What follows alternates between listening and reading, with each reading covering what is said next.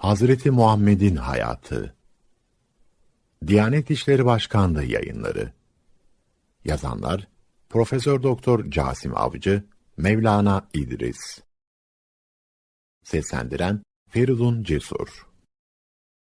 Peygamber Efendimizin peygamberliği. İlk vahyin gelişi. 40 yaşına doğru Peygamber Efendimiz evreni ve insanı yaratan Allah'ı daha fazla düşünmeye başladı. O, hiçbir zaman Mekkelilerin putlarına ilgi göstermemişti. Putlara tapmanın herhangi bir anlamı olmadığının bilincindeydi. Efendimiz, kendi döneminde az sayıda bulunan Hanifler, Hz. İbrahim'den gelen dini anlayış gibi tek tanrı inancı üzerine düşünüyor, ancak Allah'a karşı nasıl ibadet edeceğini bilememenin üzüntüsünü duyuyordu. Birkaç yıldır Kabe'ye beş kilometre uzaklıktaki Hira Dağı'na çıkıp oradaki bir mağarada yalnız başına uzun uzun düşünmeye başlamıştı.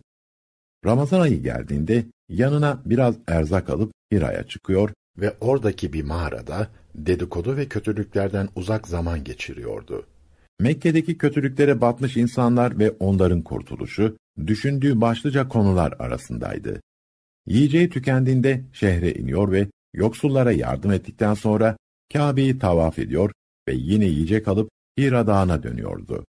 Zaman zaman eşi Hazreti Hatice'yi de yanına alıyordu.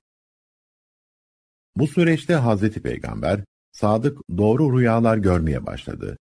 Gördüğü rüyalar, gerçek hayatta aynen çıkıyordu. Mekke vadilerinde Peygamberimiz, selam sana ey Allah'ın elçisi diyen sesler duyuyordu. Ama etrafına baktığında sadece ağaç ve kayalıkları görüyor, sesin sahibini göremediğinden merak içinde kalıyordu. Peygamber Efendimizin Allah tarafından vahye hazırlandığı söylenebilirdi. Hira'da uzun düşünme zamanları, sadık rüyalar, bir takım sesleri duyması ve 40 yıldır hiçbir kötülüğe bulaşmadan yaşaması, herkesin ona tam güvenerek, emin sıfatıyla tanımlaması. Bütün bunların bir anlamı olmalıydı ve bu anlam artık açıkça belirmeye başlamıştı. 40 yaşına gelen Hazreti Peygamber, 610 yılının Ramazan ayında yine Hira'da bulunuyordu. Ramazan ayının son 10 günü içinde ve muhtemelen 27. gecesinde Cebrail isimli melek ona gelerek kendisinin Allah tarafından peygamber olarak görevlendirildiğini haber verdi. Ve oku dedi. Bu ilk vahiy Hazreti Peygamber daha sonra şöyle anlatacaktır. O gece Cebrail bana gelerek oku, ikra dedi. Ben okuma bilmediğimi söyledim. Bunun üzerine melek beni aldı, dayanabileceğim son noktaya kadar sıktı. Ardından beni bırakıp tekrar oku dedi. Bense yine ben okuma bilmem deyince tekrar son noktaya kadar sıktı ve oku dedi. Ben ne okuyayım diye cevap verince melek beni üçüncü defa güç ve kuvvetim kesilinceye kadar sıktı ve bıraktıktan sonra Alak suresinin ilk beş ayetini okudu. Yaradan Rabbinin adıyla oku. O insanı bir embriyodan yarattı. Oku. Senin Rabbin sonsuz kerem sahibidir. Kalemle yazmayı öğreten, insana bilmediklerini öğreten O'dur. Peygamberimiz de Cebrail ile birlikte bu ayetleri tekrarladı. O, Kur'an'ın bu ilk ayetlerini Cebrail'den öğrendi ve okuyup ezberledi. Fakat yaşadığı bu olay ve aldığı ilk vahiy onda bir sarsıntı oluşturdu. Heyecan ve korkuyla titreyerek evine gitti ve yatağına girip eşi Hazreti Hatice'ye "Beni örtün, beni örtün." dedi. Sonrasında derin bir uykuya dalan peygamberimiz uyanınca yaşadıklarını anlattı. Onu dikkatle dinleyen Hazreti Hatice sakinleştirici bir tavırla ona şöyle dedi. Korkma. İnanıyorum ki Allah hiçbir zaman seni utandırıp üzmeyecektir. Çünkü sen akrabanı gözetir, doğruyu söyler, acizlerin elinden tutarsın. Yoksullara yardım eder, misafirleri ağırlarsın. Haksızlığa uğrayanların yanında yer alırsın. Hazreti Hatice bunları söyledikten sonra Peygamberimizi kendi amcası oğlu olan Varaka bin Nefel isimli yaşlı adamın yanına götürdü. Varaka, Tevrat ve İncil kitaplarını iyi bilen bir Hristiyandı. Peygamberimizin yaşadıklarını dinleyen Varaka, o meleğin Hazreti Musa ve bütün peygamberlere Allah'ın mesajını getiren vahiy meleği olduğunu söyledi ve şöyle dedi. Sana yalancı diyecekler. Kötü davranacaklar. Sana savaş açıp bu şehirden çıkaracaklar. Ben o günlere ulaşırsam Allah için sana yardımcı olacağım. Varaka sözlerini bitirdikten sonra ona doğru eğildi ve alnından öptü. Hazreti Peygamber hem Hazreti Hatice'nin samimi desteği hem de Varaka'nın bu açıklamalarından epeyce rahatlamış olarak evine döndü. Bu ilk vahiden sonra bir süre yeni bir vahiy gelmeyince Peygamberimiz endişelendi. Sık sık Hira mağarasına gidiyor ve Cebrail'in gelmesini bekliyordu. Ama melek gözükmüyordu. Peygamberimiz bu dönemde Allah'ın kendisini terk ettiği düşüncesine kapıldı. Fetretül Vahiy yani vahyin kesilmesi adı verilen bu dönem birkaç ay devam etti. Bir süre sonra Cebrail yeni bir vahiy ile geldi ve Peygamberimize Duha suresini okudu. Bu surede Yüce Allah Peygamber Efendimiz'e hitaben şöyle buyuruyordu. Kuşluk vaktine and olsun. Karanlığı çöktüğü vakit geceye and olsun ki Rabbin seni terk etmedi. Sana darılmadı da. Muhakkak ki ahiret senin için dünyadan daha hayırlıdır. Şüphesiz Rabbin sana ihsanda bulunacak ve sen de hoşnut olacaksın. Seni yetim bulup da barındırmadı mı? Seni yolunu kaybetmiş olarak bulup da doğru yola iletmedi mi? Seni ihtiyaç içinde bulup da zengin etmedi mi? Öyleyse sakın yetimi ezme. Sakın isteyeni azarlama. Rabbinin nimetine gelince işte onu anlat. Cebrail'den bu ayetleri dinleyen Hazreti Peygamber'in endişeleri dağıldı ve rahatladı. İlk Müslümanlar Peygamber Efendimiz bir gün evinde bulunduğu sırada Cebrail geldi ve ona Müdessir suresinin ilk beş ayetini okudu. Ey örtünen adam! Kalk ve insanları uyar, Rabbinin adını yücelt. Elbiseni temiz tut, kötü şeylerden uzak dur. Bu ayetler Hz. Muhammed'e sallu ala seyyidina peygamberlik görevinin verildiğini açıkça belirtiyor ve Allah'ın kendisine vahyettiklerini insanlara ulaştırmasını tebliğ etmesini istiyordu. Artık o, insanları tek olan Allah'ın yoluna davet edecekti. Allah'a inanıp itaat edenleri dünya ve ahiret mutluluğuyla müjdeleyecek, yüz çevirip inkar edenleri ise cehennem azabından haberdar edecekti. İslam dinini tebliğ etmekle görevlendirilen Hz. Peygamber, ilk davetini eşi Hz. Hatice'ye yaptı. Kendisine Cebrail'in getirdiği ayetleri okudu ve şimdi bana kim inanır dedi. Eşi, kimse inanmazsa ben inanırım dedi ve onun peygamberliğini kabul eden ilk Müslüman olma onurunu kazandı. Kızları Zeynep, Rukiye ve Ümmü Gülsüm de anneleri Hazreti Hatice ile aynı zamanda Müslüman oldular. Fatıma o sırada 4-5 yaşlarında bir çocuktu. O sırada peygamberimizle aynı evde yaşayan Hazreti Ali 10 yaşlarında bir çocuktu ve peygamberimize iman etti. Ayrıca yine aynı evde onlarla birlikte yaşayan peygamberimizin azatlısı Zeyd de İslam dinine ilk girenlerden oldu. Bu sırada Cebrail, Hazreti Peygamber'e abdest almayı ve namaz kılmayı öğretti. Öğrendiklerini Hazreti Hatice'ye de öğreten Efendimiz, evde eşiyle birlikte namaz kılmaya başladı. Peygamberimiz kendi ailesinden sonra yakın çevresindeki insanları yaklaşık üç yıl gizli olarak İslam dinine davet etti. Yakın arkadaşı Ebu Bekir hiç tereddüt etmeden Müslüman oldu. Bununla kalmayıp kendisi de bazı dostlarını İslam'a davet etti.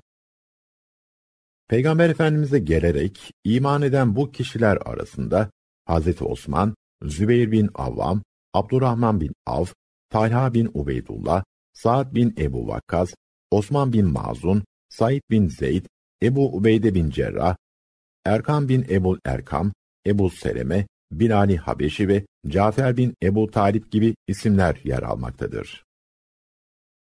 Peygamberimiz Cebrail'in getirdiği ayetleri okudu ve şimdi bana kim inanır dedi.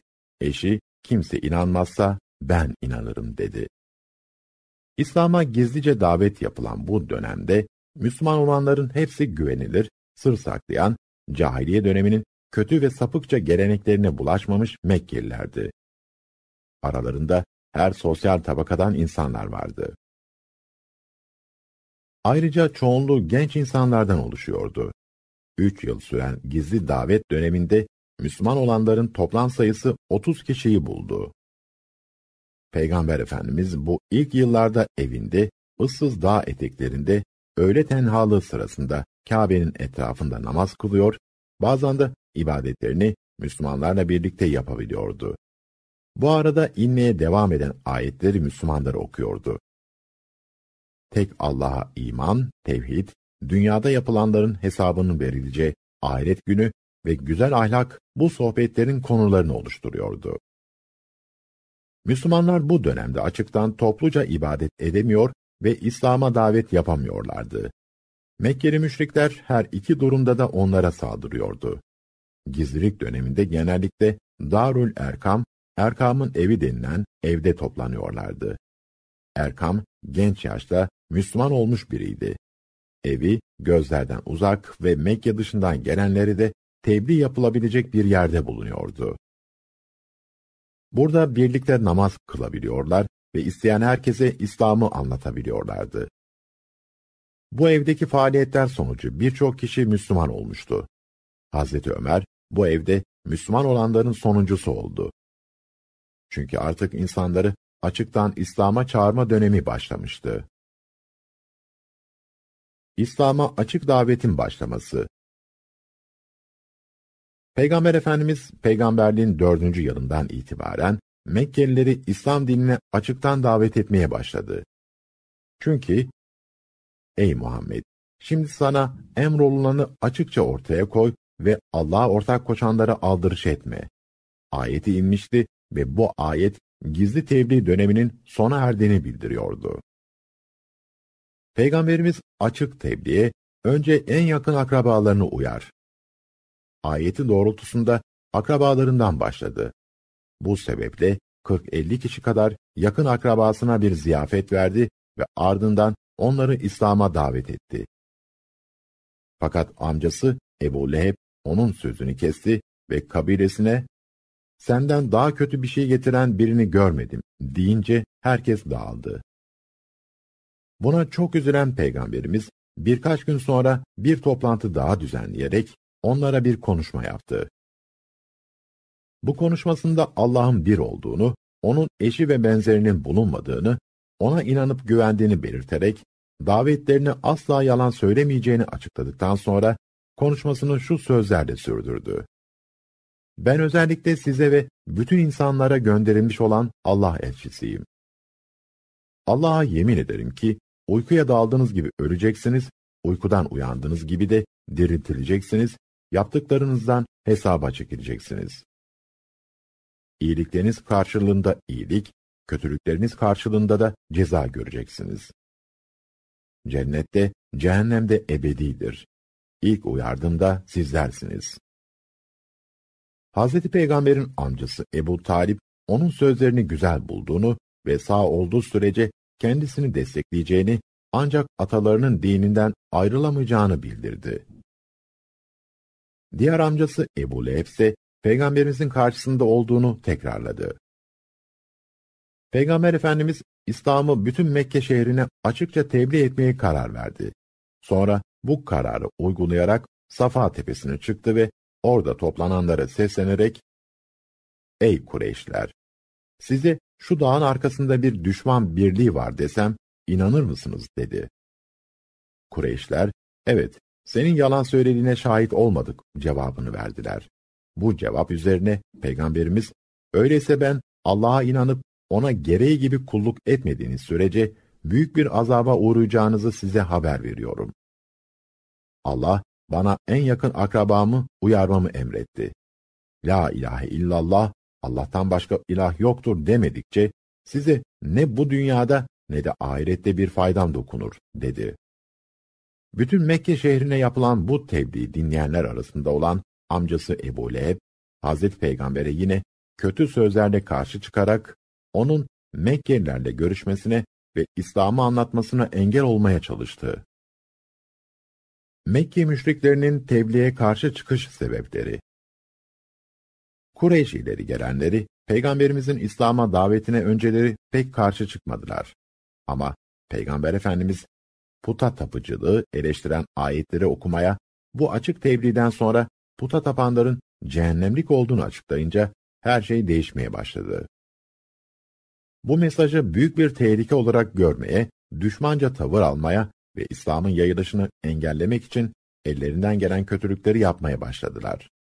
Bunun çeşitli nedenleri vardı. Bu sebepleri birkaç başlık altında toplayabiliriz. 1. Dini sebepler Araplar atalarından gelen her türlü geleneğe bağlıydılar. Putperestlik de bu gelenekler arasındaydı ve tartışmasız kabul ediyorlardı. Hazreti Peygamber onları tek olan Allah'a kul olmaya çağırdığında, sen bizi atalarımızın dininden mi vazgeçirmek istiyorsun? Biz babalarımızın dininden dönmeyiz cevabını verdiler. İslamsa her çeşit putu reddediyor ve yalnızca Allah'a kulluk edilmesini emrediyordu. Ayrıca ölümden sonraki sonsuz ahiret hayatı ve hesap günü İslam inancının temellerinden biriydi. Ama puta tapanlar putlardan vazgeçmiyor ve ölümden sonra dirilip hesap verileceğine inanmıyordu. İnsanı ve toplumu tek Allah'a dayalı bir inanç içerisinde değişime çağıran İslam, kurumsallaşmış adaletsizliklere de savaş açmıştı. Bundan başka Kureyşlerin ahlaki seviyesi, Hz. Peygamber'in önerdiği ahlak sisteminden uzaktı. İslam, o toplumda yaygın biçimde yaşanan birçok kötü alışkanlığı kabul etmiyordu. Bazı insanların kendisini zenginlik ya da soya dayalı olarak üstün görmesi, kumar, zina, içki, yalan söylemek gibi kötü anlayış ve alışkanlıkları eleştiren ve reddeden İslam, insanların birbirine üstün olma ölçülerini de tümüyle alt üst ediyordu. İslam'a göre üstünlük ancak Allah'a kullukta yani takvada söz konusu olabilirdi. Bir köle ya da çok zengin biri arasında İslam'a göre bir ayrım yapılamazdı. Allah katında ikisi de aynı derecede eşitti.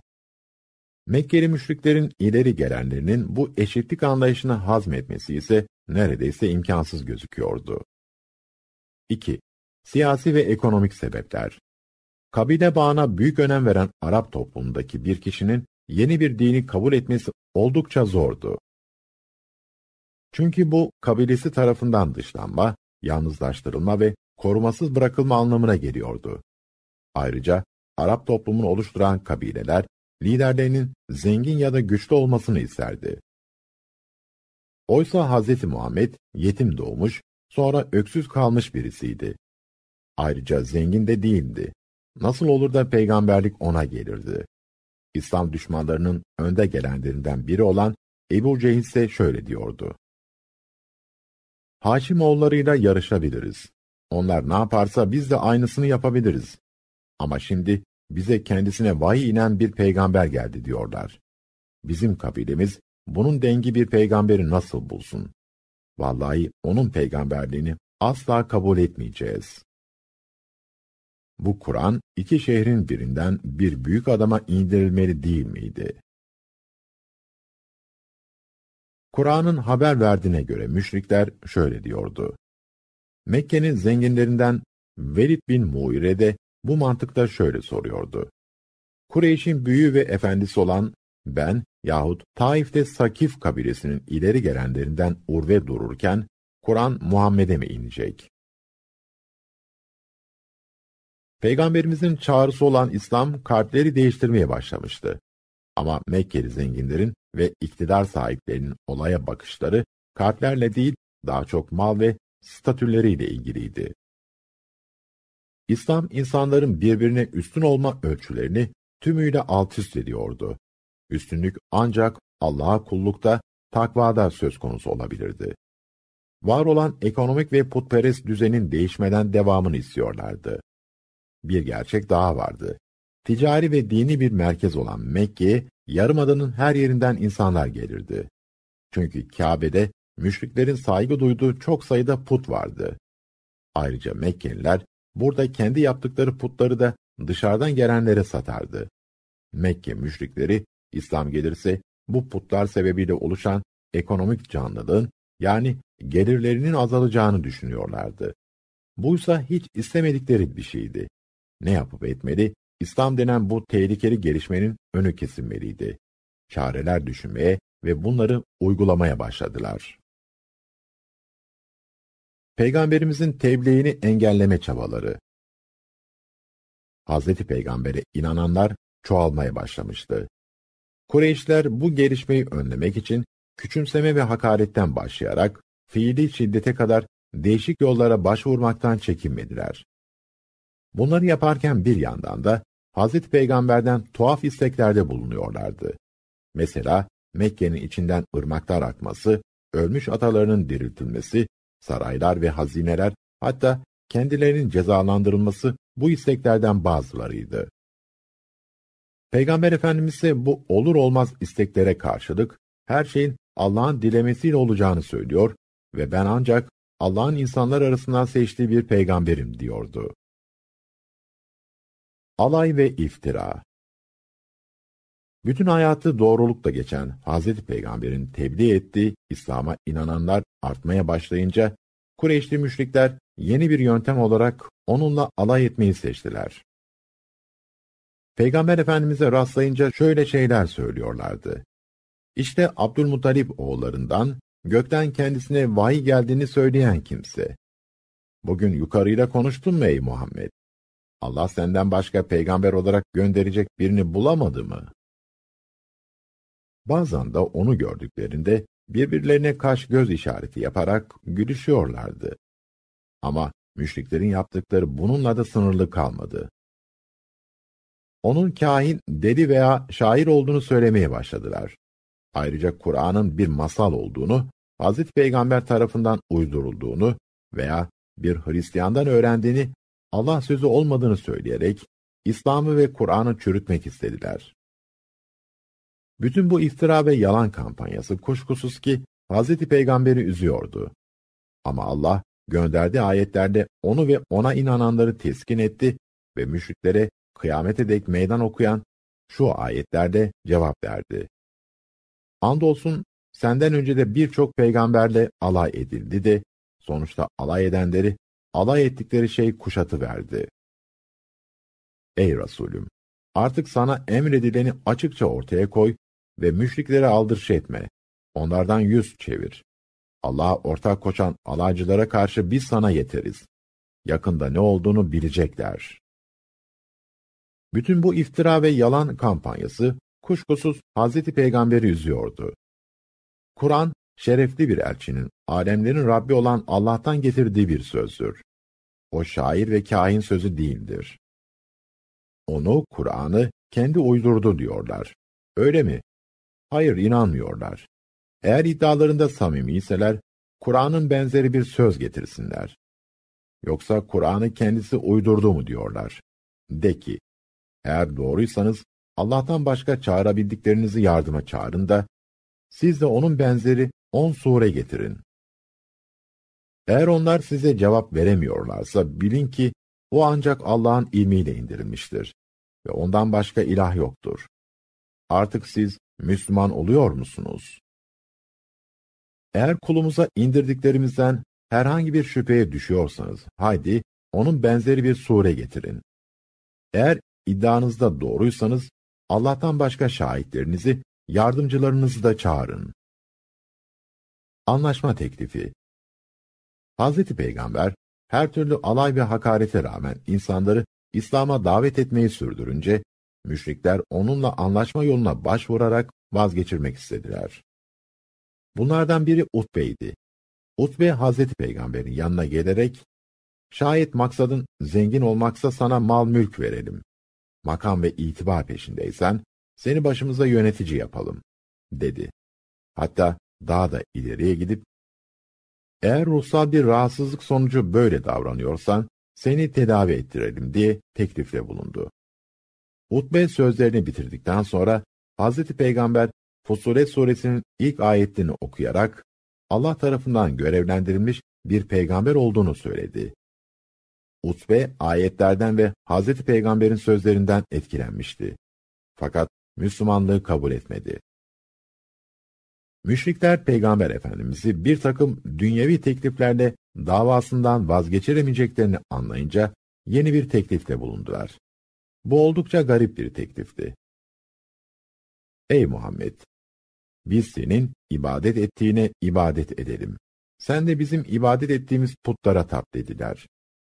Müşriklerin bu uygunsuz teklifine karşı Kafirun suresi indi. Resulüm, de ki, ey kafirler! Ben sizin tapmakta olduklarınıza tapmam. Siz de benim taptığıma tapmıyorsunuz. Ben de sizin taptıklarınıza asla tapacak değilim. Evet, siz de benim taptığıma tapıyor değilsiniz. Sizin dininiz size, benim dinim de banadır.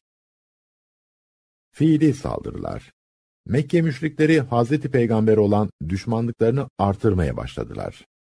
Ona eziyet etmek, fiilen saldırıda bulunmak ve hatta öldürmek istediler.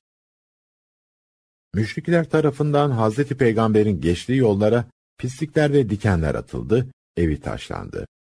Hatta namaz kılarken üzerine deve işkembesi atılarak secdede boğulmak istendi.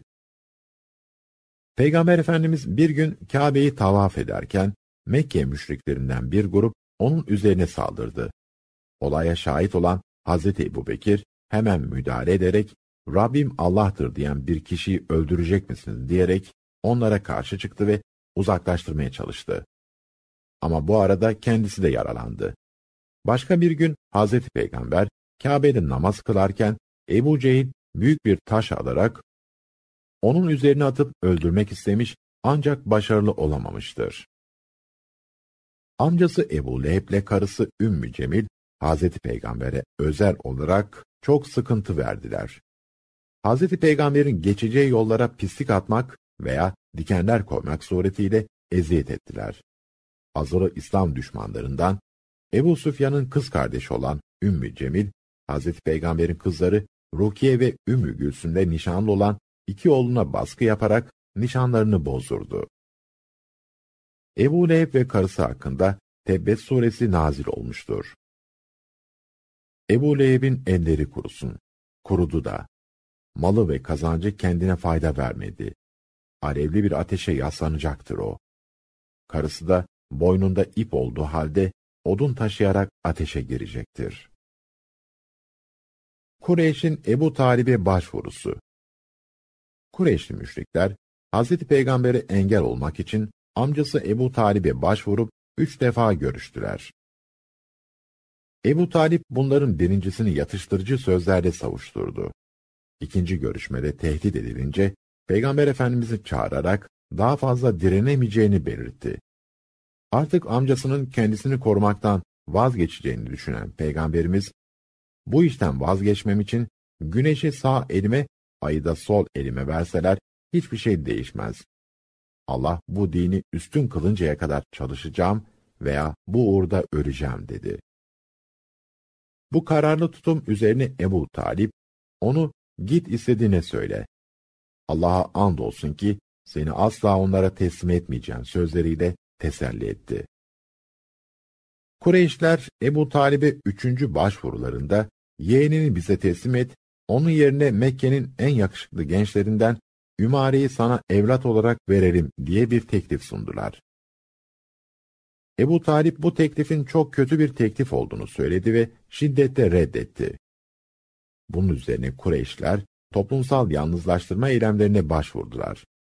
Aşağıda bahsedileceği üzere Haşimoğullarına dönük olarak ekonomik ve sosyal bir boykot başlattılar.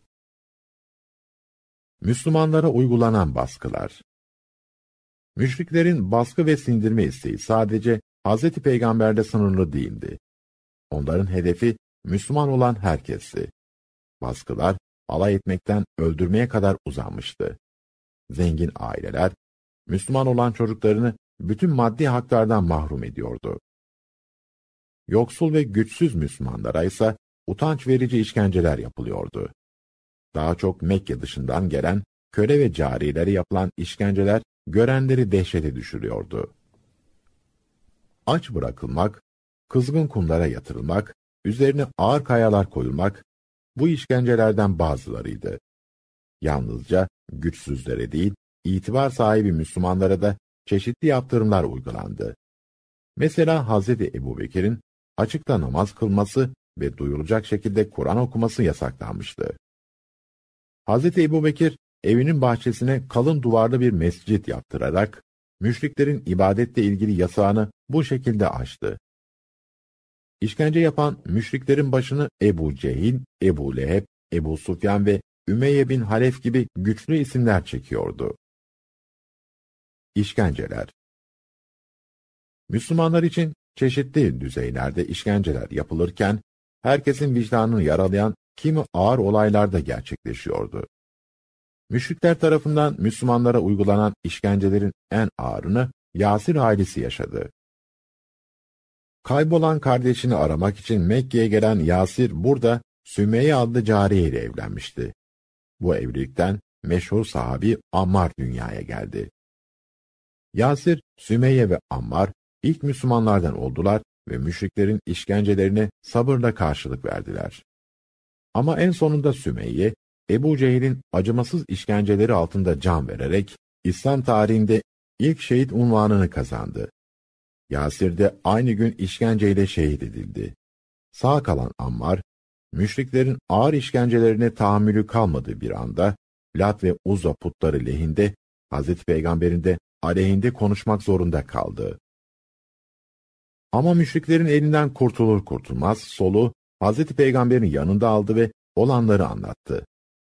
Ammar'ın büyük bir sıkıntı yaşadığını gören Resulullah ona bu sözleri söylerken neler hissettiğini sordu.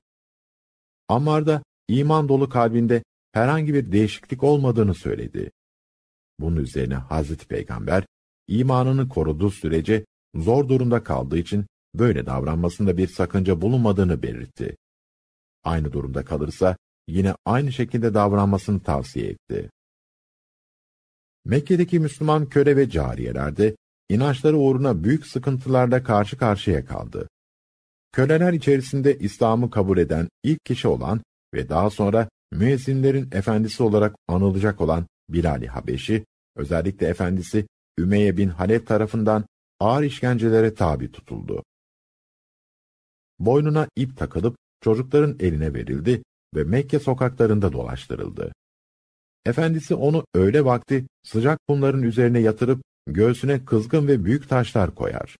Tek Allah'a imandan vazgeçmesini, Lat ve Uza putlarına iman etmesini isterdi. Bilal ise güçlükle nefes alır bir vaziyette ahad ahad yani Allah birdir diyerek imanındaki kararlılığı vurgulardı.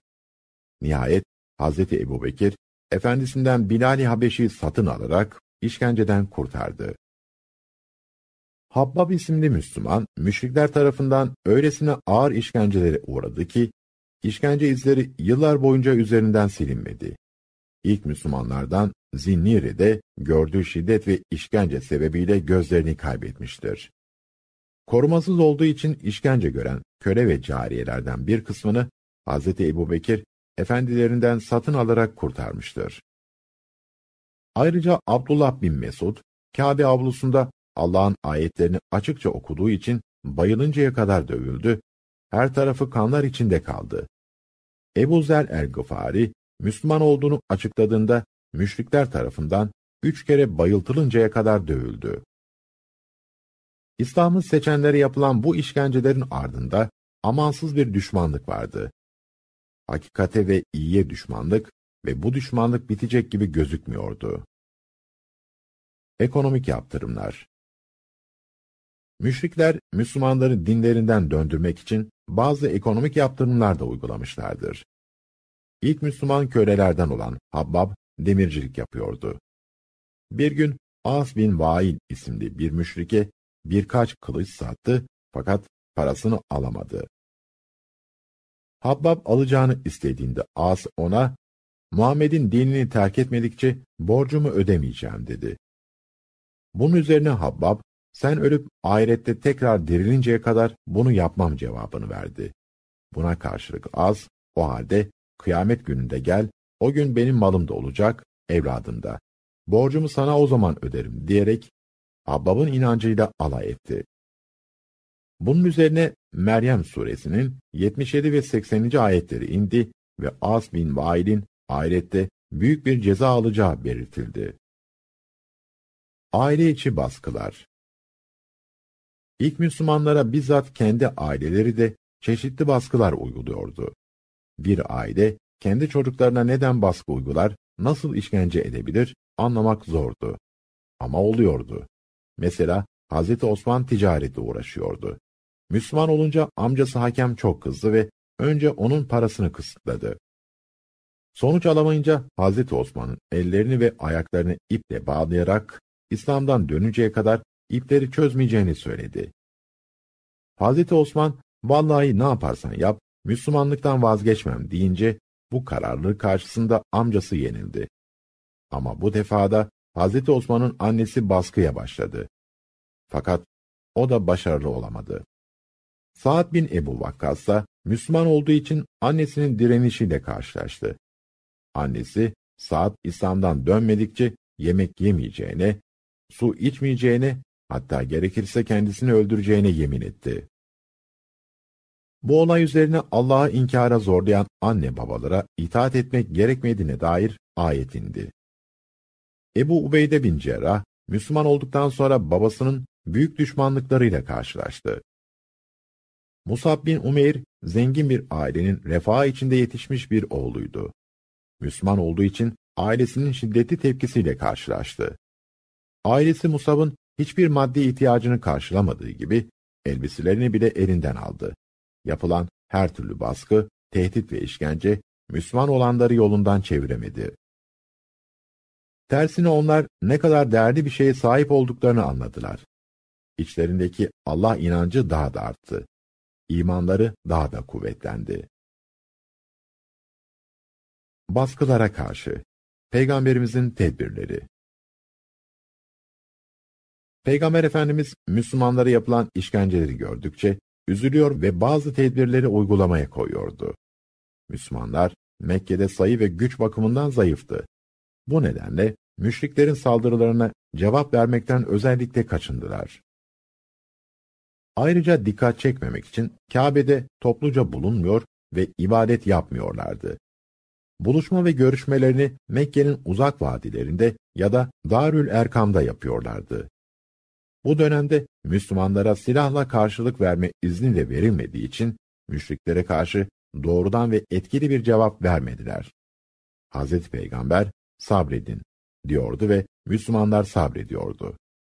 Geçmiş peygamberler döneminde de ağır işkenceler yapıldığını ve onların sabrederek o süreci atlattığını bildiren peygamberimiz sabredenlere yakındaki kurtuluşu ve öbür dünyada da cenneti müjdeliyordu.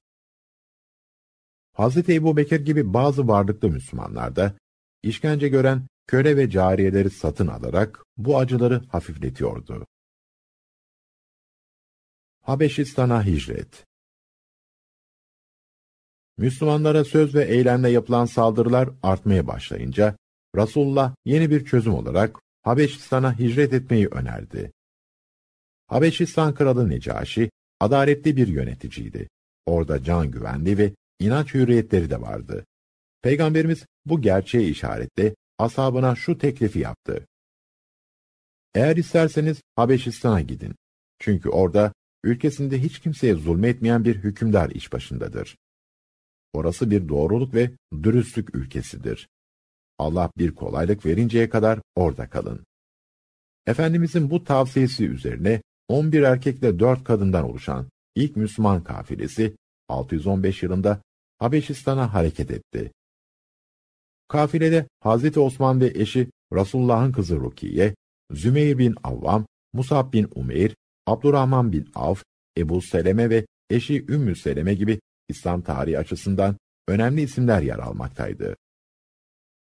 İslam'da ilk hicret olarak önem taşıyan bu gelişme, Resulullah'ın peygamberliğinin ilk yıllarında Afrika ile temasa geçmesi bakımından da önem taşır. Bir yıl sonra ikinci bir büyük kafile Cafer bin Ebu Talip başkanlığında Habeşistan'a hicret etti. Sonuçta Habeşistan'a göç edenlerin sayısı yüzü geçti. Habeşistan'a hicret eden Müslümanların sayısının gittikçe arttığını gören Kureyşliler, bu durumdan rahatsız olarak Habeşistan kralına bir heyet gönderdi. Bu heyet krala giderek, hicret eden Müslümanların Mekke'ye iade edilmesini istedi. Durum biraz tuhaftı. Müşrikler sanki çalınmış mallarını istiyor gibi, Müslüman olup işkence ve baskıdan kaçan insanları geri istiyordu. Kral Necaşi, müşriklerin isteğini hemen yerine getirmedi. Her iki tarafı da dinlemek ve adaletli karar vermek için Müslümanların temsilcisini de huzuruna çağırdı. Habeşistan'a hicret eden Müslümanlar adına Cafer bin Ebu Talip söz alarak Kral Necaşi'ye şöyle dedi. Ey hükümdar! Biz cahiliye karanlıkları içinde yüzen bir kavimdik. Putlara tapar, ölü hayvan eti yer, günah işlerdik. Akrabalarla ilişkiyi keser, komşulara kötü davranırdık. Aramızda güçlü olanlar zayıfları ezerdi. Allah bize aramızdan soyunu, doğruluğunu, güvenilirliğini ve iffetini bildiğimiz bir elçi gönderinceye kadar bu şekilde yaşamaya devam ettik. Allah'ın elçisi bizi tek Allah'a inanmaya, ona ibadet etmeye, bizim ve atalarımızın onun dışında ibadet ettiğimiz putları ve taşları terk etmeye davet etti. Bize doğru söylemeyi, emaneti yerine getirmeyi, akrabaları ziyaret etmeyi, komşulara iyi davranmayı, haramlardan sakınmayı ve insanları öldürmemeyi emretti. Bize kötü ve günah fiiller işlemeyi, kötü söz söylemeyi, yetimlerin malını yemeyi, iftira etmeyi yasakladı. Allah'a ibadet etmeyi ve ona herhangi bir şey ortak koşmamayı, namaz kılmayı, zekat vermeyi ve oruç tutmayı emretti. Onu tasdik ettik, ona inandık ve Allah'tan getirdiği mesajlar doğrultusunda ona uyduk. Böylece sadece Allah'a ibadet ettik ve ona hiçbir şeyi ortak koşmadık. Bize haram kıldığını haram, helal kıldığını helal kabul ettik. Yüce Allah'a ibadetten ayrılıp eskisi gibi putlara tapmamız ve daha önce helal gördüğümüz kötülükleri helal görmemiz için kavmimiz bize düşmanlık yaptı. Bizi işkencelere maruz bıraktılar ve dinimizi terk etmemiz hususunda baskı yaptılar.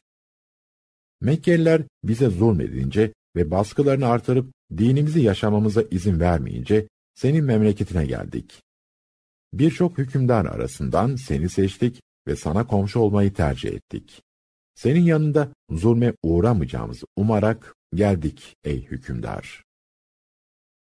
Tarafları dinleyen Necaşi, Mekkeli müşriklerin isteğini kesin bir dille reddederek Müslümanları himaye etmeye devam etti. Müslümanlardan bir kısmı birkaç yıl sonra Mekke'ye döndü. Bir kısmı ise daha sonra Hazreti Peygamber Medine'ye hicret edince oraya gitti. Hamza ve Ömer'in Müslüman oluşu Mekke dönemindeki tebliğ faaliyetleri sırasında iki kişinin Müslüman olmasının özel bir önemi vardır. Onlardan biri Hazreti Peygamber'in amcası Hazreti Hamza'dır, diğeri de Ömer bin Hattab'dır. Hazreti Hamza yeğeni Hazreti Muhammed'den sadece birkaç yaş büyüktü. Onun çocukluk arkadaşı ayrıca süt kardeşiydi. Henüz Müslüman olmamıştı ama peygamberimize yapılanları gördükçe üzülüyordu. Bir gün avdan dönüp Kabe'yi tavaf ederken bir cariye ona gördüklerini anlattı. Ebu Cehil, Hazreti Peygamber'e yine hakaret etmiş ve incitici şeyler söylemişti. Cariyeyi dinleyen Hazreti Hamza öfkeye kapıldı ve orada Kureyş'in ileri gelenleriyle oturan Ebu Cehil'in yanına gitti, elindeki yayla onun başına vurup yaralayarak işte ben de Muhammed'in dinini kabul ediyorum. Hadi bana da söv bakalım. Cesareti olan varsa gelsin dövüşelim diyerek Müslümanlığını ilan etti. Bu açık meydan okuma karşısında Ebu Cehil sessiz kaldı. O sırada Darul Erkam'da bulunan Hazreti Peygamber, amcasının Müslüman oluşuna çok sevindi. Müşriklerse Hazreti Hamza gibi güçlü bir kişinin Müslüman olmasından sonra Peygamber Efendimiz'e yapacakları kötülükler konusunda daha çekingen davranmaya başladılar. Hazreti Peygamber insanları dine davet ederken çeşitli zorluklarla karşılaşıyor ve bunu aşmak için Allah'a şöyle dua ediyordu. Allah'ım, İslamiyet'i ya Ebul Hakem, Ebu Cehil ya da Ömer bin Hattab eliyle güçlendir. Bu duada ismi geçen iki şahıs da Mekke'nin güçlü ve etkili kişileriydi. Müslüman olma onuru bu iki isimden Ömer bin Hattab'a nasip olmuştur. Ömer ciddi bir İslam düşmanıydı. Hazreti Peygamber'e ve İslam'a öfke duyuyordu. Bir gün Hazreti Muhammed'i öldürmeye karar verdi. Onu ortadan kaldırırsa, İslam dininin de ortadan kalkacağını düşünüyordu. Kılıcını kuşandı ve kararlı şekilde yola çıktı. Yolda karşısına Nuaym çıktı. Nuaym, Müslüman olmuş ancak bunu gizleyen biriydi. Ömer'in yüzündeki öfkeyi görünce ona nereye gittiğini sordu. Ömer'in cevabı sert ve kararlıydı. Kureyş'in bütünlüğünü bozan, ilahlara hakaret eden Muhammed'i öldürmeye gidiyorum. Bu sözler üzerine Nuaym böyle bir şey yaparsa kendisinin de sağ bırakılmayacağını belirtti. Ve sen önce kendi eniştene ve kız kardeşine bak, onlar da Müslüman oldu dedi. Nuaym'ın bunu söylemekteki amacı ihbar değil, Ömer'in yönünü değiştirerek zaman kazanmaktı. Ömer, öfkeyle kız kardeşinin evine yürüdü.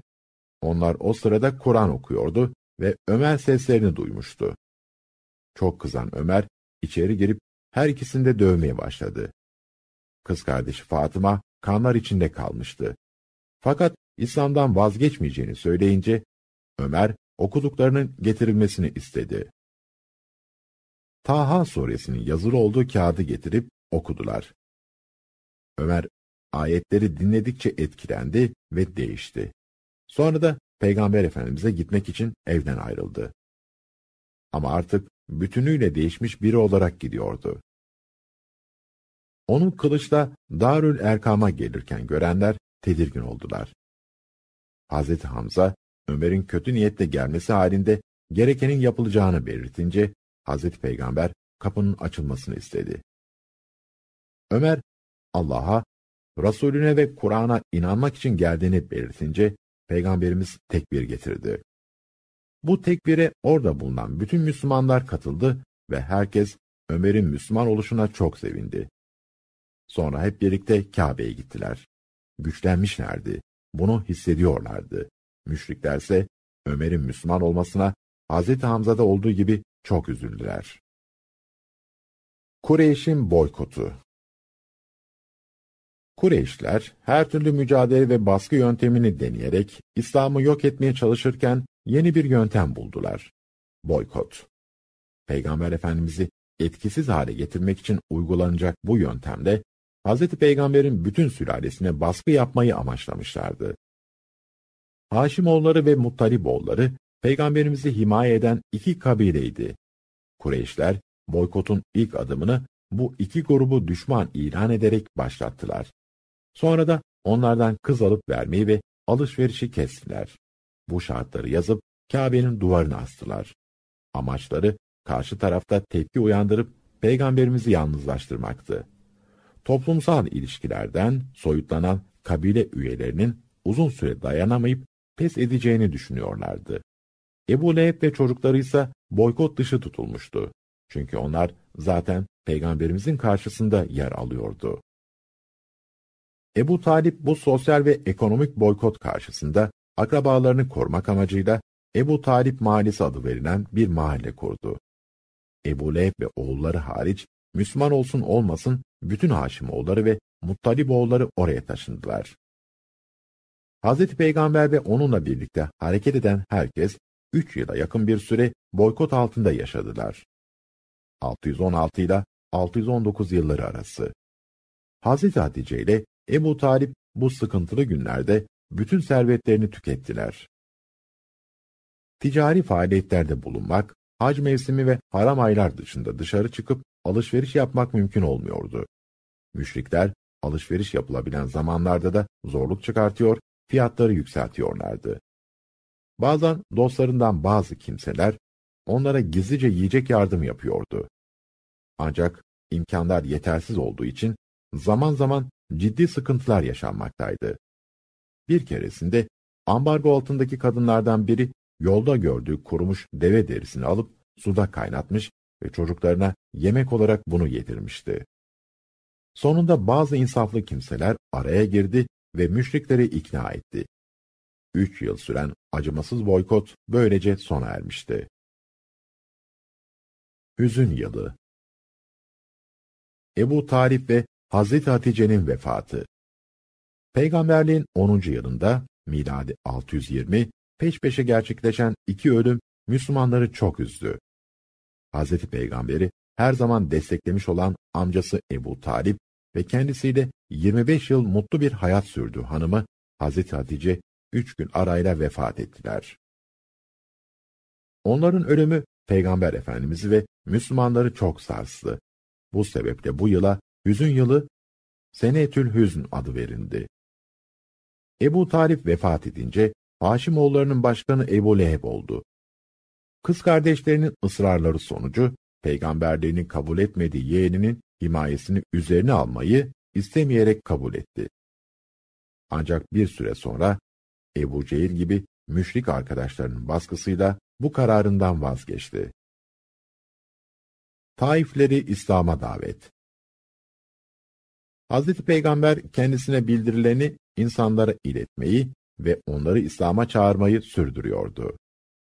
Aynı şekilde Kureyşler de düşmanlıklarına devam ediyordu. Üstelik Ebu Talip ve Hazreti Hatice'nin vefatından sonra müşriklerin cesareti daha da artmıştı.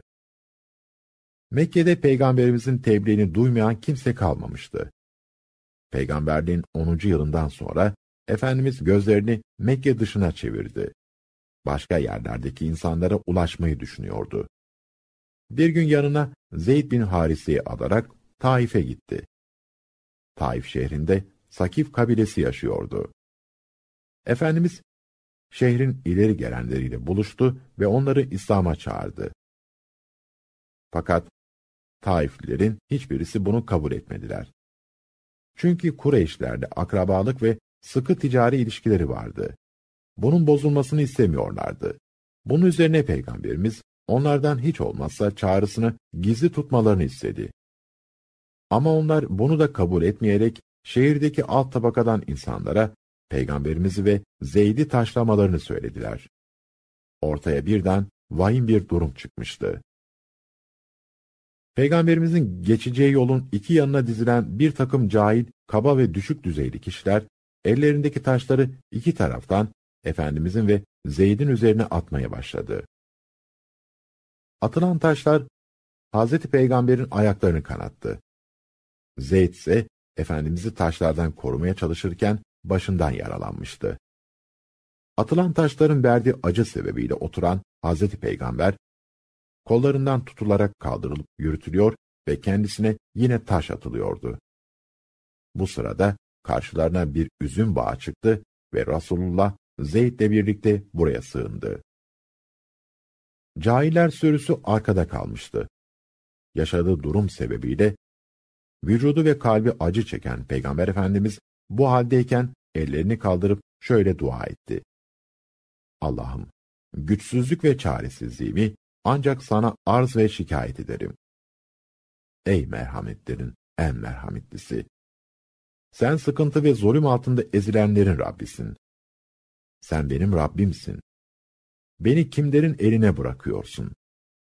Bana gelen bu musibet, şayet senin bana karşı bir gazap ve öfkenden kaynaklanmıyorsa, ben bunu dert edinmem ve gönülden katlanırım.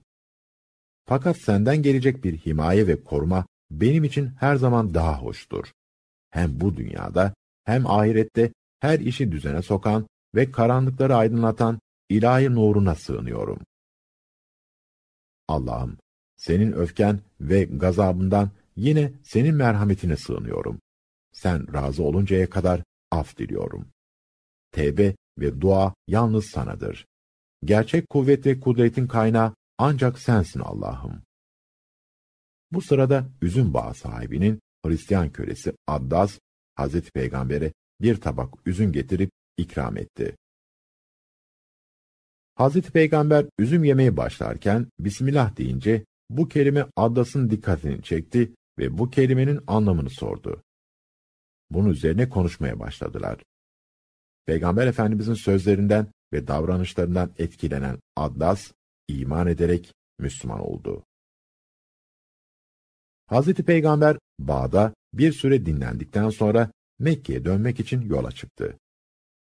Bu sırada Cebrail geldi ve ona, eğer isterse Allah'ın kendisine işkence ve eziyet eden müşrikleri helak edeceğini söyledi. Peygamber Efendimiz, kendisine yapılan o ağır eziyetlerden sonra bile beddua etmek yerine Cebrail'e şöyle dedi. Hayır istemem. Ben, Allah'ın bu müşriklerin soyundan yalnızca Allah'a kulluk eden, ona hiçbir şeyi ortak koşmayan kimseler meydana getirmesini isterim. Böyle istedi, böyle diledi. O bir peygamberdi. Sayfa 108 Akabe biatları Peygamberimiz ulaşabildiği herkese İslam'ı anlatıyor ve onları Allah'ın dinine çağırıyordu. Mekke'ye dışarıdan çeşitli amaçlarla gelenlerle de buluşarak bu görevini gerçekleştiriyordu. Peygamberliğin 11. yılında, 620 yılında Medine'den gelenlerle yaptığı görüşme çok olumlu bir sonuç doğurmuştu. Hac mevsiminde Kabe'ye 3 kilometre uzaklıkta bulunan Akabe mevkiinde 6 Medineli ile yapılan görüşme hepsinin Müslüman olmasıyla sonuçlanmıştı. Hazreç kabilesine mensup bu altı kişi Medine'deki ilk Müslümanlar oldu. Onlar Medine'de Efendimiz'den öğrendikleri İslam'ı başkalarına öğretmeye ve yaymaya başladılar. Birinci Akabe Biatı Ertesi yıl yani peygamberliğin 12. yılı hac mevsiminde Medine'den 12 kişi geldi. Peygamber Efendimiz de gizlice Akabe'de buluştular. Bunlardan onu Hazreç kabilesinden, ikisi ise Evs kabilesindendi. Hazreti Peygamber onlara İslam'ın ilkelerini anlattı ve bu ilkelere uyma konusunda onlardan kesin söz aldı. Bu toplantıya katılanlar tam bir bağlılıkla Hazreti Peygamber'e şu hususlarda biat ettiler, söz verdiler. Allah'a hiçbir şeyi ortak koşmamak, hırsızlık yapmamak, zina etmemek, çocuklarını öldürmemek, yalan uydurarak hiç kimseye iftira etmemek, iyi olan hiçbir hususta Allah Resulüne isyan etmemek. Birinci Akabe biatı adı verilen bu sözleşmede Hz. Peygamber bu şartları yerine getirenlerin cennete gireceklerini müjdelemiştir. Hz. Peygamber, Medine halkına Kur'an'ı ve İslam'ı öğretmesi için Musab bin Umer'i onlarla birlikte Medine'ye gönderdi. Musab henüz Müslüman olmayanları dine davet edecek, ayrıca namaz kıldıracaktı.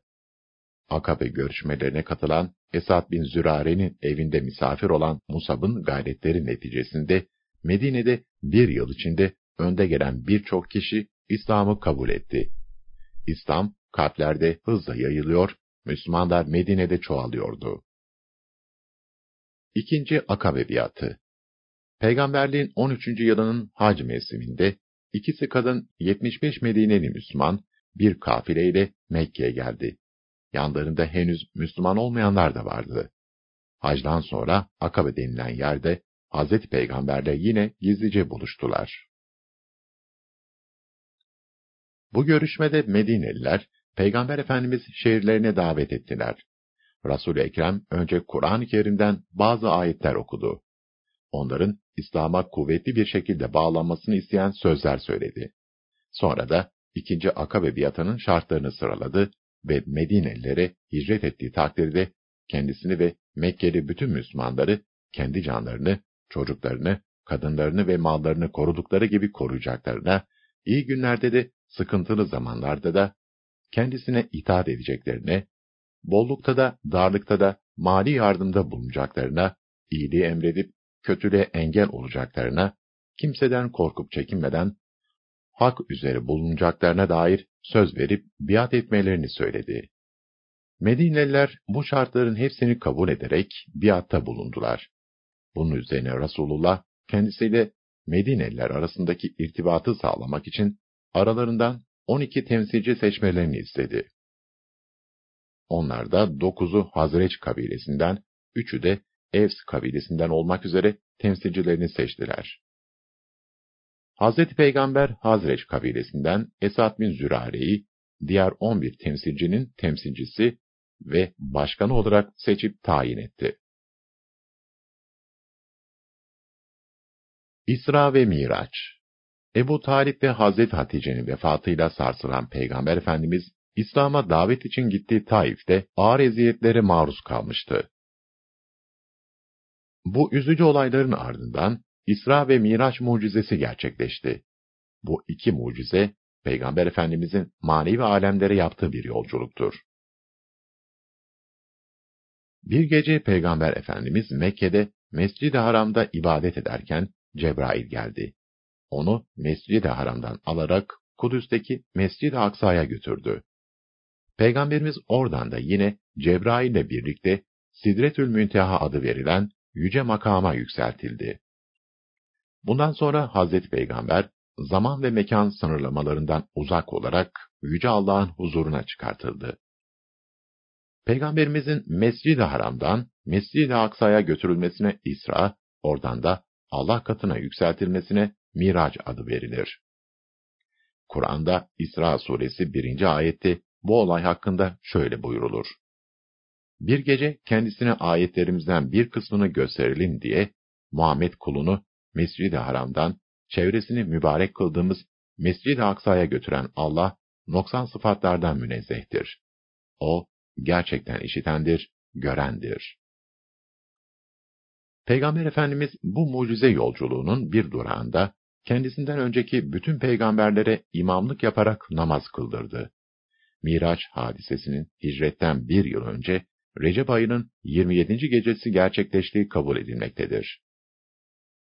Miraç yolculuğu Hazreti Peygamber'in maneviyatını yükseltmiş, müminlerin imanını güçlendirmiş. Müşriklerin ise düşmanlıklarını artırmıştır. Hazreti Peygamber bu olayı Mekkelilere anlattığı zaman onlar, miracı gerçek dışı bulup inkar etmiştir. Ayrıca onu güç durumda bırakmak için Kudüs'ten Mekke'ye dönmekte olan bir kervanın yeri hakkında sorular sormuşlar ama Hazreti Peygamber onlara doğru cevap verdiği halde inkar etmeye devam etmişlerdir. Müşrikler daha sonra alaycı bir tavırla olayı Hazreti Ebubekir'e de anlattıklarında o, bu söylediklerinizi Hazreti Muhammed mi anlatıyor? O söylüyorsa doğrudur diyerek İsra ve Mirac'ı tasdik etmiştir. Bu olay Hazreti Ebubekir'in Sıddık lakabını almasına sebep olmuştur. Mucize yolculuğun geçtiği gece beş vakit namaz farz kılınmış, Bakara suresinin son ayetleri indirilmiş, Allah'a ortak koşmayanların affedileceği müjdesi verilmiştir. Bu geceyle ilgili olan İsra suresinde bütün Müslümanlar için önemli olan bazı temel ilkeler emredilmiştir. İslam'ın ana karakterini göstermesi bakımından da önemli olan bu ilkeler şunlardır.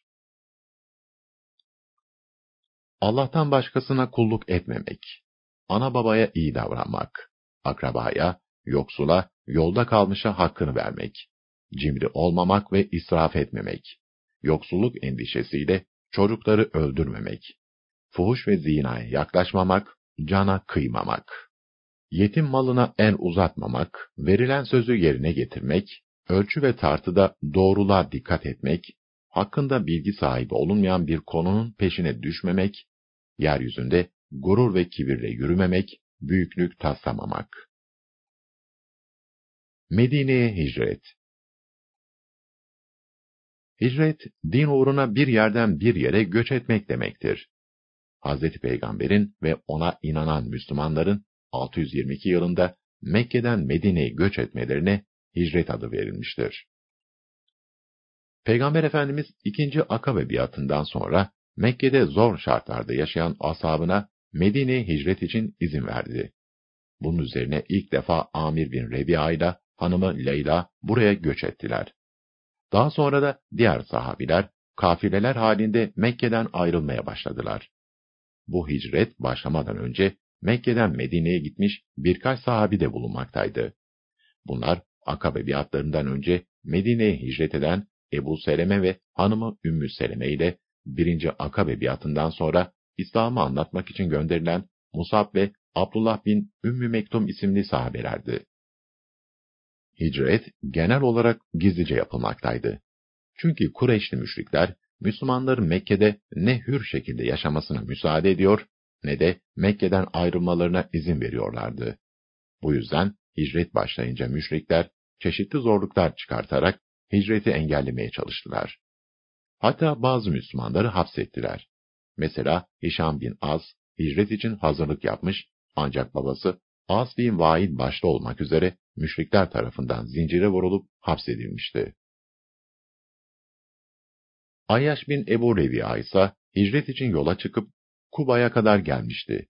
Ancak burada kendisine yetişen kardeşleri Ebu Cehil ve Haris, yaşlı annesinin onun ayrılığı yüzünden perişan hale geldiğini söyleyince Mekke'ye döndü. Ama dönünce onu hapsetmişlerdi. O, ancak hicretin yedinci yılında müşriklerin elinden kurtulup Medine'ye gidebildi. Süheyb bin Sinan er-Rumi'nin başına gelenler de ilginçti. Onun hicret edeceğini öğrenen Mekkeliler, ona olan borçlarını ödemedikleri gibi mal varlığına da el koymuşlardı. Suheyb ancak bütün mal varlığını Mekkelileri bırakarak hicret edebilmiştir. Hazreti Ömer'in hicreti ise herkesten farklı ve açık olmuştur. O, Kabe'yi tavaf edip iki rekat namaz kıldıktan sonra, eğer karısını dul, çocuklarını yetim bırakmak isteyen varsa, arkamdan gelsin ve beni engellesin diyerek, müşriklere açıkça meydan okumuş ve hicretini gerçekleştirmiştir. Hicret izninden sonra kısa sürede asabın büyük kısmı Medine'ye göç etmişti. Geride Hazreti Peygamberle Hazreti Ebubekir ve aileleri, Hazreti Ali ve annesi, ayrıca hicret etmeye gücü yetmeyenler de gidişleri engellenmiş olanlar kalmıştı. Bu sırada Hazreti Ebubekir zaman zaman Resulullah'a müracaat ederek hicret için izin istiyor, o da her defasında acele etme, umudur ki Yüce Allah sana bir yol arkadaşı ihsan eder cevabını veriyordu. Peygamber Efendimizin hicreti Müslümanların sadece inançları için her şeyi bırakıp Medine'ye gitmesi tarihte eşsiz bir olaydı. Evleri, mal ve mülkleri, kurdukları hayat düzeni, her şey geride kalmıştı. Kureyşli müşrikler biraz şaşkın, biraz da tedirgindi. Bir gün Hz. Muhammed de oraya gider ve oradaki Müslümanlarla buluşursa, Mekke için bir tehlike olur mu endişesiyle toplanıp bu konuyu konuşmaya karar verdiler. Darün Nedve denilen yerde toplanan müşrikler nasıl bir yol takip edeceklerini tartışmaya başladılar. Bu toplantıya Hz. Peygamber'in mensup olduğu Haşimoğullarından Ebu Leheb dışında kimse alınmamıştı. Herkes bir fikir ileri sürüyordu. Kimi Hz. Peygamber'in hapsedilmesini, kimi sürgüne gönderilmesini istiyordu. Ama en sonunda Ebu Cehil'in ileri sürdüğü fikri kabul ettiler. Ebu Cehil'in teklifi Hz. Peygamber'in öldürülmesiydi. Bu korkunç fikir toplantıya katılanlar tarafından kısa sürede olgunlaştırıldı. Haşimoğullarının kan davası gütmemesi için her kabileden bir kişi seçilecek ve Hz. Peygamber onların hepsi tarafından öldürülecekti. Bu suikast planı Yüce Allah tarafından Cebrail aracılığıyla Peygamber Efendimiz'e bildirilince, Efendimiz hemen Hz. Ebubekir'in evine giderek hicret hazırlıklarına başlanmasını istedi. Bu kararı ağlayarak sevinçle karşılayan Hz. Ebubekir, bu yolculuk için hazırladığı develeri kılavuza teslim etti. Abdullah bin Uraykıt isimli kılavuz bir müşrikti ama mert, güvenilir ve işini iyi yapan biriydi. Üç gün sonra Sevr mağarasında buluşmak üzere kılavuzda sözleştiler. Hazreti Peygamber'in evinden ayrıldığını kimsenin bilmemesi gerekiyordu. Kendisine bırakılan emanetleri sahiplerine verilmek üzere Hazreti Ali'ye teslim etti ve sonra peşlerinden gelmesini istedi. O gece Hazreti Peygamber'in yatağında Hazreti Ali yattı. Hazreti Peygamber evinden Yasin suresini okuyarak çıktı ve Hazreti Ebubekir'in evine gitti.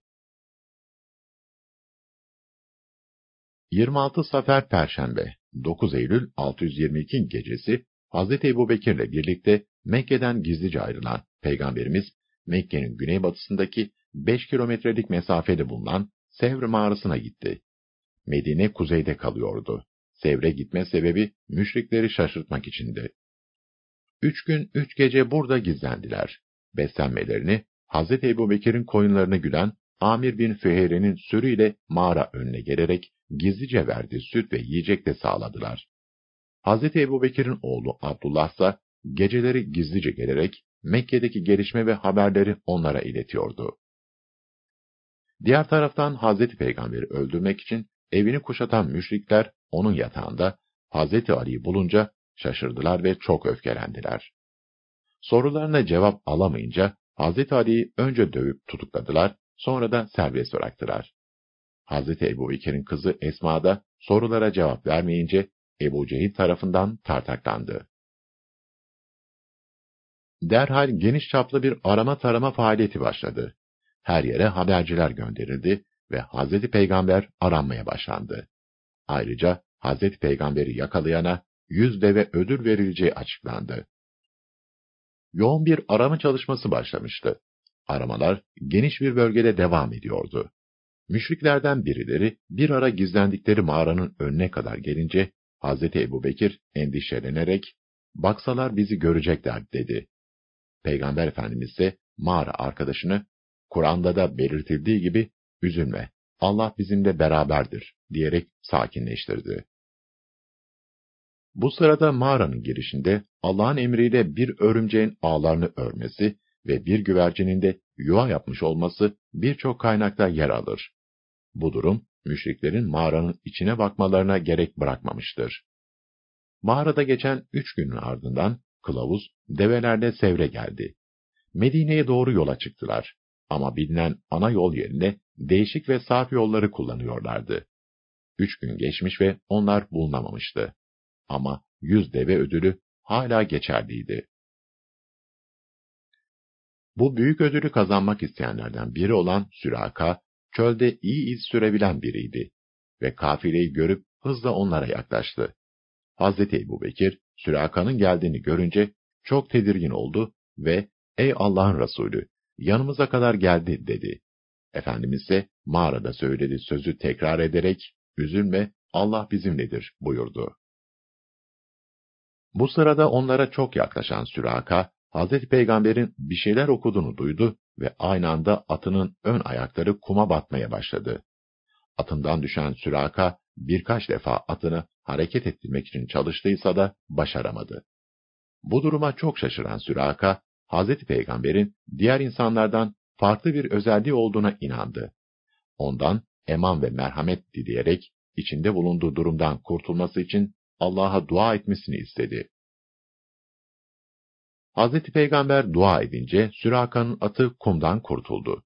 Sevilen Süraka, Hazreti Peygamber'e, ''Ey Allah'ın peygamberi, ne istersen emret.'' dedi. Hazreti Peygamber, ona burada durmasını ve peşlerinden gelecek kimseleri engellemesini istedi. O da bu isteği yerine getirdi ve takip için gelen müşriklere o tarafta kimsenin bulunmadığını söyleyerek geri çevirdi. Enes bin Malik bu olayla ilgili şöyle dedi. Süraka günün başında Allah'ın elçisi aleyhine çalışan, onun canına kasteden bir kimseyken, günün sonunda onun hayatını savunan bir silah olmuştu. Benzer bir tehlike Estem kabilesinin topraklarından geçerken yaşandı. Kabile reisi Bürey de kafilenin önünü kesti ve kimliklerini öğrenmek istedi. Fakat Resulullah'la yaptığı kısa sohbetten sonra kendisi ve kabilesi Müslüman oldu. Ona kendi topraklarından çıkıncaya kadar muhafızlık yapan Bürey de, Peygamberimizin Medine'ye bayraksız girmesini doğru bulmadığı için kendi sarığını çıkarıp bir mızrağa bağlayarak bayrak yaptı. Hicret yolunda Peygamber Efendimiz'e dostluk ve misafirperverlik gösterenler de oluyordu. Ayrıca bu tarihi yolculukta bazı ilginç ve güzel olaylar da yaşanıyordu. Bunlardan biri Kudeyt denilen yerde oldu. Hazreti Peygamber ve yanındakiler yiyecek bir şeyler almak için Ümmü Mabet isimli kadının çadırına uğradılar. Kadının sütten kesilmiş zayıf bir keçisi vardı. Peygamberimiz o keçiyi besmele çekerek sağmaya başlayınca keçi oradaki herkese yetip artacak kadar süt verdi. Ümmü Mabet kocası gelince olanları anlattı ve Peygamber Efendimizin şeklini tarif etti. Kadının bu tarifi o kadar güzel ve etkileyiciydi ki, onun sözleri günümüze kadar geldi. Hilye denilen ve Peygamberimizin dış görünüşünü anlatan özel hat levhalarında Ümmü Mabed'in sözleri hala yer alır. Cuhfe adlı mevkiye geldiklerinde Resulullah Mekke'ye giden yolu görünce şehrine duyduğu özlemde hüzünlendi. Bu sırada uğradığı zulümden dolayı hicrette mecbur bırakıldığı Mekke tekrar döneceği ve düşmanlarına galip geleceğini müjdeleyen ayet indi. Kuba'ya varış ve Kuba Mescidi Peygamber Efendimizin hicreti sürerken Medine'deki Müslümanların gözleri de yollarda kalmıştı. Onun Mekke'den ayrıldığını duydukları andan itibaren her sabah Harre denilen yere çıkıyorlar, sıcak şiddetleninceye kadar Mekke yönünden gelecek büyük misafirlerini bekliyorlardı. Endişelenmeye başlamışlardı. Hazreti Peygamber neden bu kadar gecikmişti acaba? 8 Rebiül evvel 20 Eylül 622 pazartesi günü yine beklediler ve sıcak çok artıp o yine gelmeyince evlerine döndüler. Tam bu sırada üç katlı bir evin damında bulunan bir Yahudi kızı Medine'ye doğru yaklaşan kafileyi gördü ve durumu Müslümanlara haber verdi. Bu sesi duyan Müslümanlar Hare'ye koşup yola baktılar. O oradaydı. Yollarını gözledikleri peygamber yanındakilerle birlikte gelmişti. Ama o Medine'ye girmeden üç kilometre önce Kuba kasabasında Evs kabilesinin bir koluna mensup Külsüm bin Hilm isimli Müslümanın evine misafir oldu. Birkaç günü burada geçiren Peygamberimiz, ilk mescid olan Kuba mescidini burada inşa etti. Kıble tarafına gelen ilk taşı Efendimiz, ikinci taşı da Hazreti Ebu Bekir koydu. Burada Efendimizin yanına çok sayıda Medineli ziyaretçi geliyordu. Bu sırada Mekke'de kalan ve emanetleri sahibine teslim eden Hazreti Ali, Peygamberimizin emrine uyarak yola çıkmıştı. Gündüzleri gizlenip geceleri yol alarak Kuba'ya ulaşan Hazreti Ali burada Peygamberimizle buluştu. Ranuna'da ilk cuma namazı Peygamberimiz ve arkadaşları 12 Rebiün evvel 24 Eylül 622 Cuma günü Kuba'dan Medine'ye doğru yola çıktılar. Tarihi yolculuğun bu son halkası devam ederken Cuma namazı farz kılındı. Ranuna Vadisi'nde Salim bin Af kabilesine uğrayan Efendimiz burada ilk Cuma hutbesini okudu ve yaklaşık 100 kişiye Cuma namazını kıldırdı. Resulullah bu hutbesinde Allah'a şükrettikten sonra İnsanların ahirette mutlaka hesaba çekileceğinden, herkesin emri ve gözetimi altındakilerden sorumlu tutulacağından, öldükten sonra insan için dünyada yaptığı iyi davranışlardan başka bir şeyin fayda etmeyeceğinden bahsetti. Sonra insanların büyük küçük demeden iyilik yarışına girmesini ve ahiret için hazırlıklı olmalarını tavsiye ederek Cuma hutbesini bitirdi. Medine'ye giriş Cuma namazından sonra Medine'ye hareket eden Peygamber Efendimiz, şehir halkı tarafından olağanüstü bir sevinçle karşılandı. Medine'de görülmemiş bir şenlik ve bayram havası yaşanıyordu. Yolun iki tarafında sıralanan 7'den 70'e herkes, kadınlar ve çocuklar büyük bir sevinç içerisinde Allah'ın yüce elçisini, peygamberini karşılıyordu. Herkesin dilinde Allah'ın Resulü geldi sözü dolaşıyordu. Bu sırada defler çalınıyor ve bazı Medineliler de onun için bir karşılama şarkısı söylüyordu. Veda tepelerinden ay doğdu üzerimize. Allah'a çağrı sürdükçe şükretmek vacip bize. Ey gönderilen kutlu elçi! Sana itaat etmek düşer hepimize. Aramıza hoş geldin, şeref verdin şehrimize. Şeklindeki mısralarla duygularını dile getiriyorlardı. Hemen herkes Resulullah'ın kendi evlerine misafir olmasını istiyor ve onu ısrarla evlerine çağırıyordu. Resulullah ise Kasva adlı devesinin üzerinde halkı selamlayıp kendilerine teşekkür ederken devesinin çöktüğü yere en yakın eve misafir olacağını söyleyerek şehre girdi. Deve bir süre gittikten sonra durdu ve yere çöktü. Burada Ebu Eyyub el-Ensari'nin evi bulunuyordu. Böylece büyük zorluklar ve ıstıraplarla dolu Mekke dönemi sona ermiş, İslam tarihinde yeni bir dönem, Medine dönemi başlamış oldu. Daha önce adı Yesrib olan şehir, artık peygamber şehri anlamında Medinetül Rasul veya El Medinetül Münevvere ya da kısaca Medine adıyla anılmaya başladı. Hicret, Müslümanlar için iki önemli toplumsal kavramı tarihe kazandırdı. Bunlardan birisi Ensar, diğeri ise muhacirdir. Ensar, her şeyleriyle yardım edenler anlamında Medineliler için kullanılmıştır. Muhacir ise Mekke'den göç eden, hicret eden Mekkeliler için kullanılan bir kavram olmuştur. Okuma parçası Hazreti Peygamber'in Ebu Eyyub el-Ensari Hazretlerinin evinde misafirliği. Ebu Eyyub el-Ensari radıyallahu anh anlatıyor. Resul Ekrem sallallahu aleyhi ve sellem Medine'ye hicret edince evimizin alt katına yerleşmişti. Eşim Ümmü Eyüp'le ben de üst katta oturuyorduk.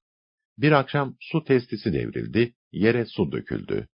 Su aşağı damlayıp da Peygamber Efendimiz'i rahatsız etmesin diye yatarken üstümüze örttüğümüz kadifeyi suyun üstüne bastırdık.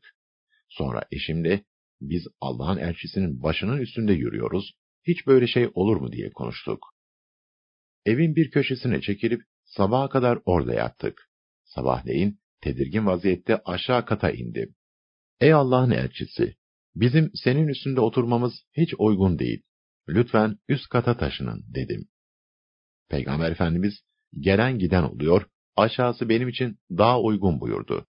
Fakat ben altında senin bulunduğun bir yerde oturamam diye ısrar ettim. Bunun üzerine Hazreti Peygamber eşyasının üst kata taşınmasını emretti. Zaten eşyası pek azdı, biz de alt kata indik.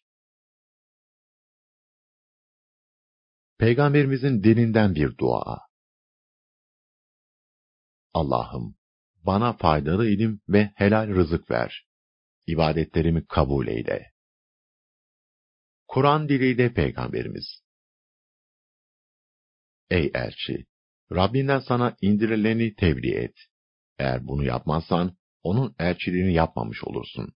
Allah seni insanlardan koruyacaktır. Doğrusu Allah, kafirler topluluğunu doğru yola iletmez. O, peygamber, kendi arzu ve heveslerine göre konuşmaz. Onun size bildirdikleri, kendisine indirilen vahiden başka bir şey değildir.